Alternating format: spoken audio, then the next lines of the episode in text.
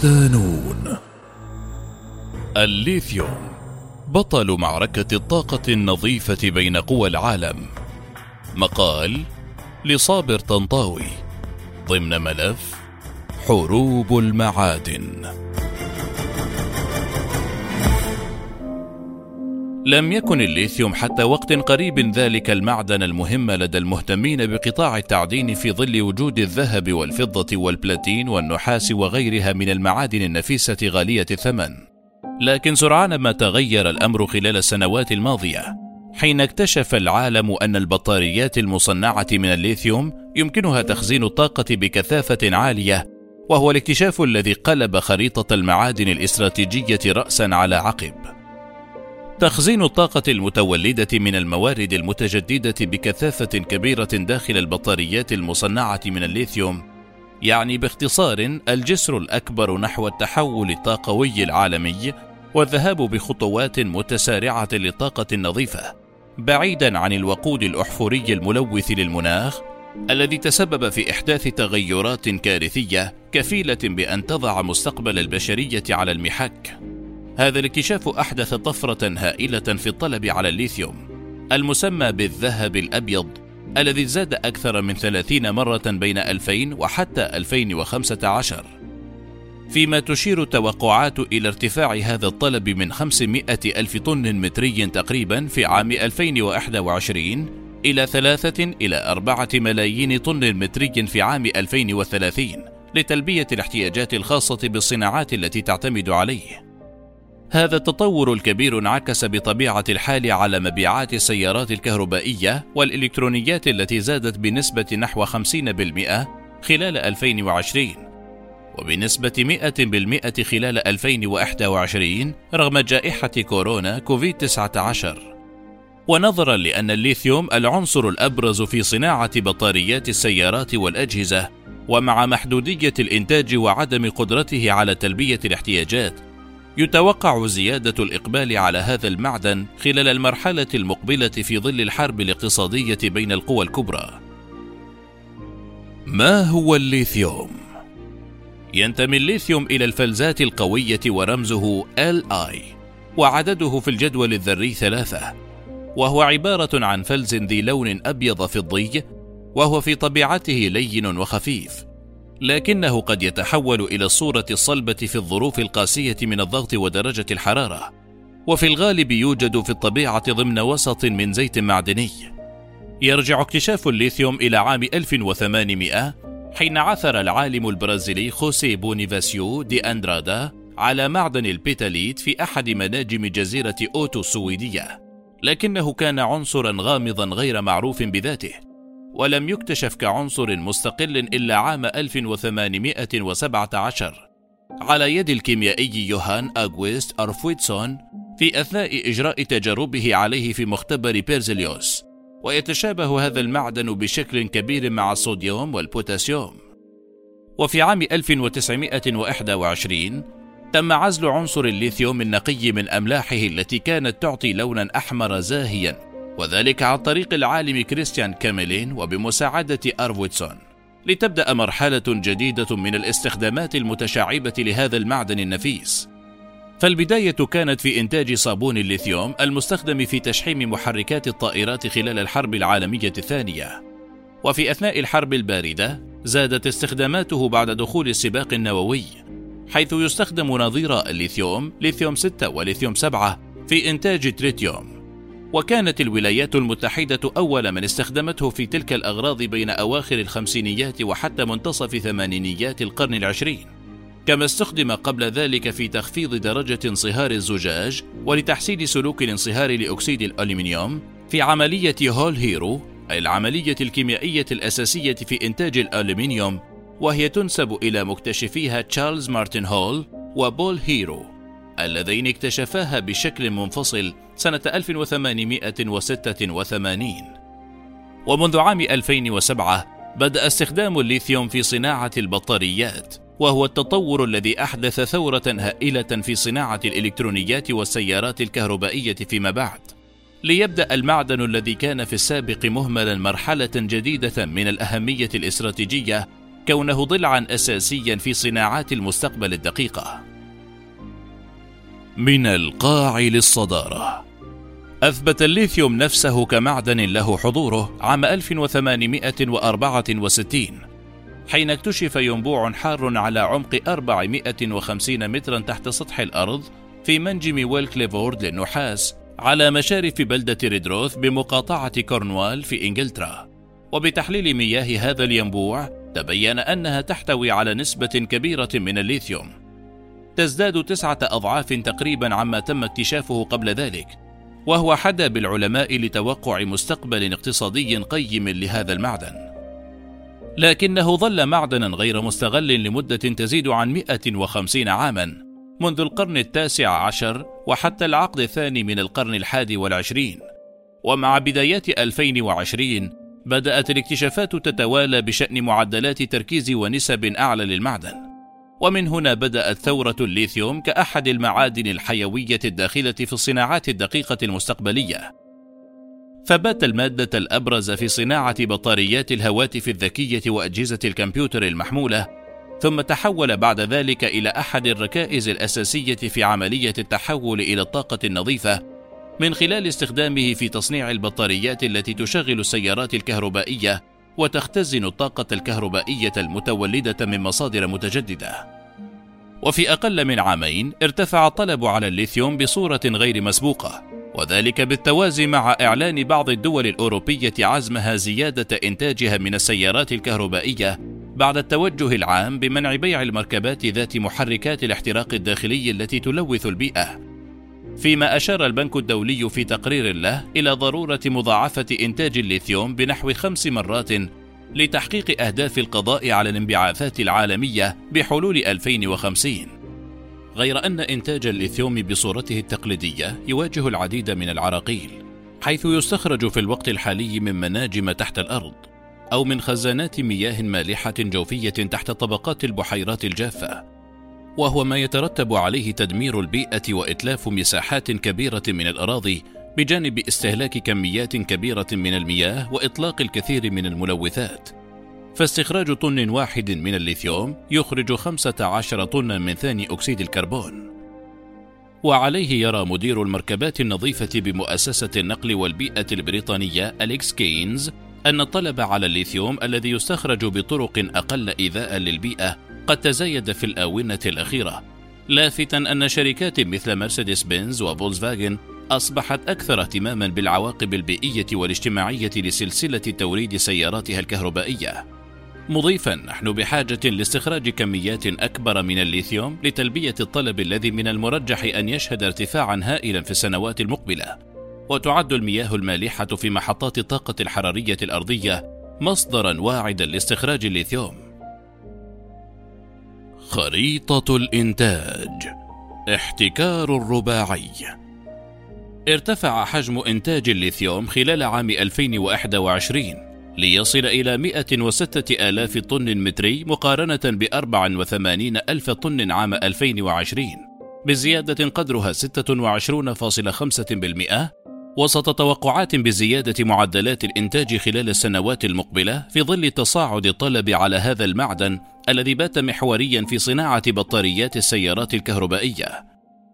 وتحتكر أربع دول فقط أكثر من 95% من حجم إنتاج هذا المعدن تتصدرها أستراليا بأربعين ألف طن بنسبة 52.3% ثم تشيلي بثمانية عشر ألف طن متري بما نسبته 24.5%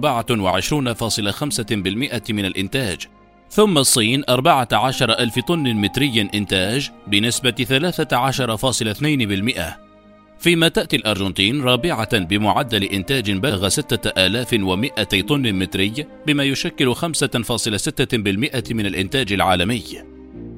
أما على مستوى الاحتياطي فيبلغ قرابة 16 مليون طن متري إلا أن بعض التقديرات الأخرى تذهب إلى 65 مليون طن متري في ظل صعوبة تحديد حجم الاحتياطي بشكل دقيق. بسبب طرق تصنيف الليثيوم التي في الغالب تقيسه في حالته الخام الصلبة رغم وجوده بشكل كبير في صورة المحلول الملحي. إذ تشير إحدى الدراسات إلى أن 83% من الموارد الجيولوجية للليثيوم تقع في ست ودائع في المحلول الملحي اثنين من ودائع البيكماتيت واثنين من الودائع الرسوبية. وتتصدر تشيلي قائمة الدول الأكثر امتلاكا لاحتياطي الليثيوم بنحو 9 ملايين طن متري فاصل اثنين.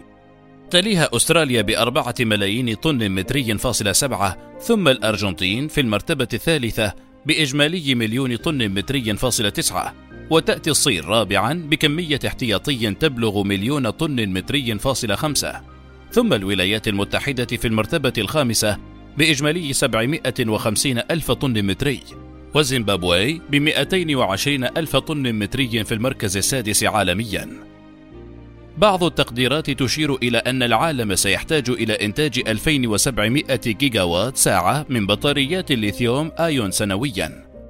لمواكبة الطلب من صناعة السيارات الكهربائية بما يعادل 13 مرة من السعة المنتجة حاليا وفق ما ذهب بنك UBS فيما أشار تقرير وكالة الطاقة الدولية الصادر في مايو أيار 2021 إلى أن الطلب على هذا المعدن قد يزيد أربعين مرة في العشرين عاما المقبلة خاصة مع تحول المعدن إلى بؤرة اهتمام الحكومات فقد أضافته المفوضية الأوروبية إلى قائمتها للمواد الخام المهمة لأول مرة في عام 2020 التصنيف كمعدن سام مأزق أوروبي. في الوقت الذي تشير فيه التقديرات إلى زيادة الطلب على الليثيوم بعدما بات معدنا استراتيجيا في صناعة بطاريات السيارات الكهربائية إذ بأوروبا تواجه العديد من المخاطر المحتملة إزاء مستقبل هذا المعدن وذلك بعد إمكانية تصنيفه كمادة سامة وهو ما يعني فرض المزيد من العقبات أمام إنتاجه واستخراجه. في يونيو حزيران الماضي كشفت شركة أبحاث الطاقة ريستات إنرجي في تقرير لها أن تصنيف الليثيوم على أنه مادة سامة سيقوض أمن الطاقة والأهداف المناخية للاتحاد الأوروبي. منوهة أن المفوضية الأوروبية لو صنفت هذا المعدن على أنه سامة من الفئة الأولى 1A خلال الربع الأول من العام المقبل، فإن ذلك سيؤدي إلى تقويض محاولة الاتحاد الأوروبي لإنشاء سلسلة توريد مواد البطاريات محليا ودعمها. وكانت لجنة تقييم المخاطر التابعة للوكالة الأوروبية للمواد الكيميائية ECHA قد نشرت رؤيتها نهاية العام الماضي 2021 التي كان من ضمنها الموافقة على المقترحات الفرنسية لتصنيف أملاح الليثيوم في أوروبا الثلاثة كربونات وهيدروكسيد وكلوريد الليثيوم على أنها مواد سامة ذات أضرار. تصنيف الليثيوم كمادة سامة لا يعني وقف استخدامه في أوروبا، لكن ذلك سيؤثر سلبا في أربع مراحل على الأقل في سلسلة التوريد لبطاريات الليثيوم في الاتحاد الأوروبي. تعدين الليثيوم والمعالجة وإنتاج الكاثود وإعادة التدوير، وهو ما يتعارض بطبيعة الحال مع مخطط أوروبا للتوسع في إنتاج كربونات الليثيوم لفئة البطاريات من صفر حاليا إلى 8.3% من إجمالي الإمدادات العالمية بحلول 2025 ما يضعف من قدرتها على سد فجوة العجز المقدرة بنسبة 218% في معالجة هيدروكسيد الليثيوم بحلول نهاية عام 2030 حتى دون التصنيف المحتمل لهذا المعدن من المفوضية الأوروبية. وبلا شك سيؤثر هذا الملف على مستقبل صناعة السيارات الكهربائية في القارة العجوز، فبحسب دراسة أعدها المجلس الدولي للنقل النظيف، فإن أوروبا أنتجت 25% أو 2 مليون و600 ألف مركبة من السيارات الكهربائية العالمية بين عامي 2010 و2020 فيما شهدت مبيعات تلك المركبات قفزة كبيرة إذ ارتفعت بنحو 65% على أساس سنوي خلال العام الماضي لتصل إلى مليوني مركبة وثلاثمائة ألف بحسب وكالة الطاقة الدولية. وعليه فإنه في حال تصنيف الليثيوم كمعدن سام فإن هذا السوق سيتأثر بشكل كبير وهو ما يناقض توجه التحول الطاقوي الذي تنشده الدول الأوروبية. اضطراب السوق العالمي. يعاني سوق الليثيوم العالمي من حالة اضطراب وسيولة كبيرة تؤثر بشكل أو بآخر على خطوط الإنتاج والإمداد. فبعدما كانت الكلمة العليا للشركات متعددة الجنسيات التي كانت تهيمن على المشهد أصبح الوضع اليوم مختلفا بعدما سعت الكثير من الدول لتأميم إنتاج هذا المعدن بعدما زادت قيمته وأصبح موردا اقتصاديا مهما. ففي بوليفيا على سبيل المثال وهي واحدة من الدول التي تمتلك احتياطيا كبيرا من الليثيوم تبنت الحكومة هناك توجها لتأميم المصانع والشركات التي تستخرج هذا المعدن.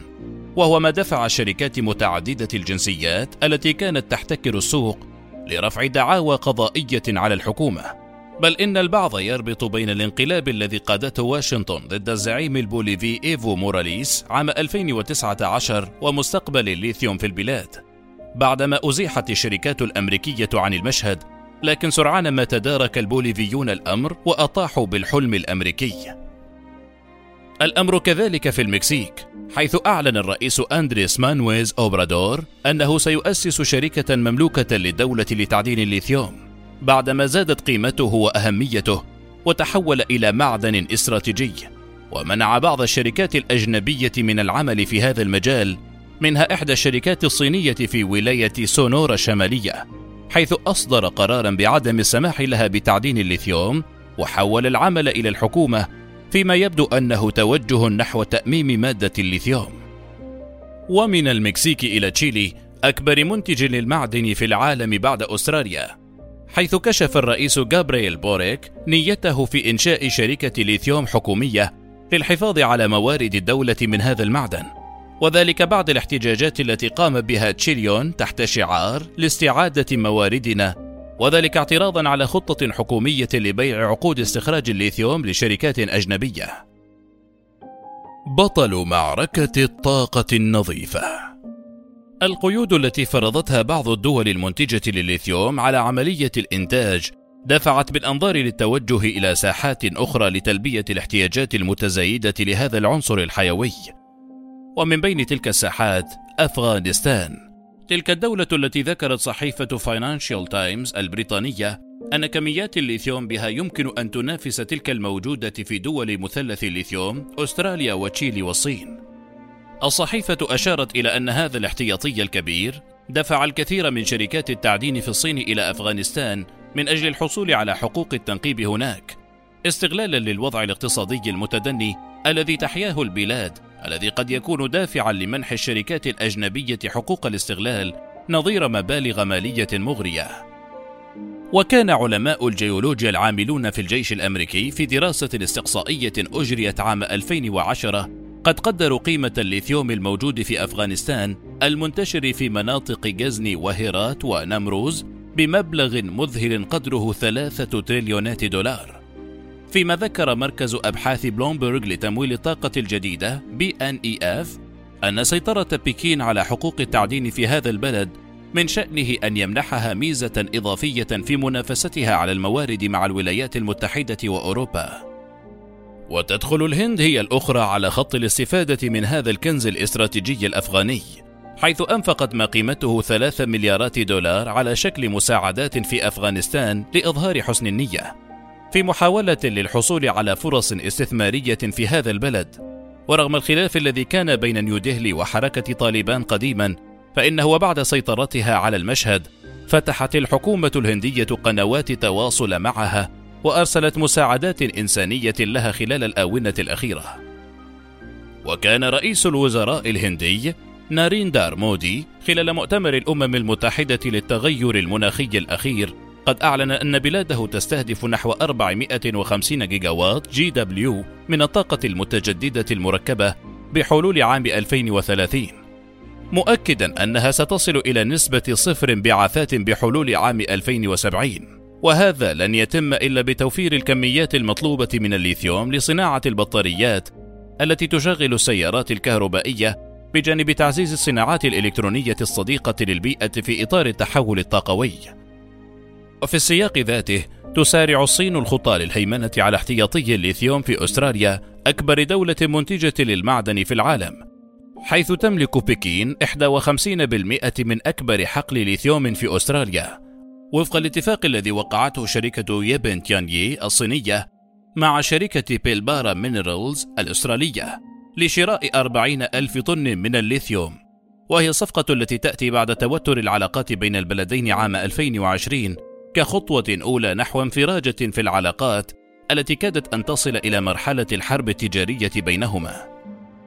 كما تسيطر الصين على كميات كبيرة من مناجم الليثيوم في أمريكا الجنوبية، وبلغت استثماراتها هناك قرابة أربع مليارات دولار فاصل خمسة خلال السنوات الثلاثة الماضية، وهو ما أزعج الولايات المتحدة بشكل كبير، ما دفعها للقول بلد واحد في إشارة إلى الصين يتحكم في أكثر من 80% من سلسلة التوريد العالمية للمعادن النادرة والمهمة لصناعة السيارات الكهربائية ومكونات توربينات الرياح.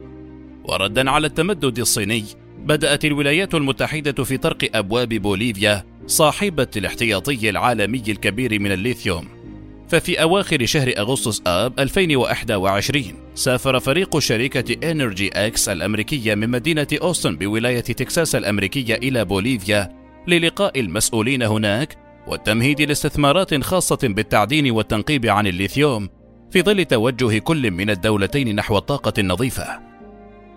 وتشير بعض التقديرات إلى أن ربع الليثيوم المعروف عالميا معظمه في صورته السائلة موجود في مناجم الدولة البوليفية التي لا يتجاوز عدد سكانها 12 مليون نسمة وعليه فتحت أبوابها للاستثمارات الأجنبية.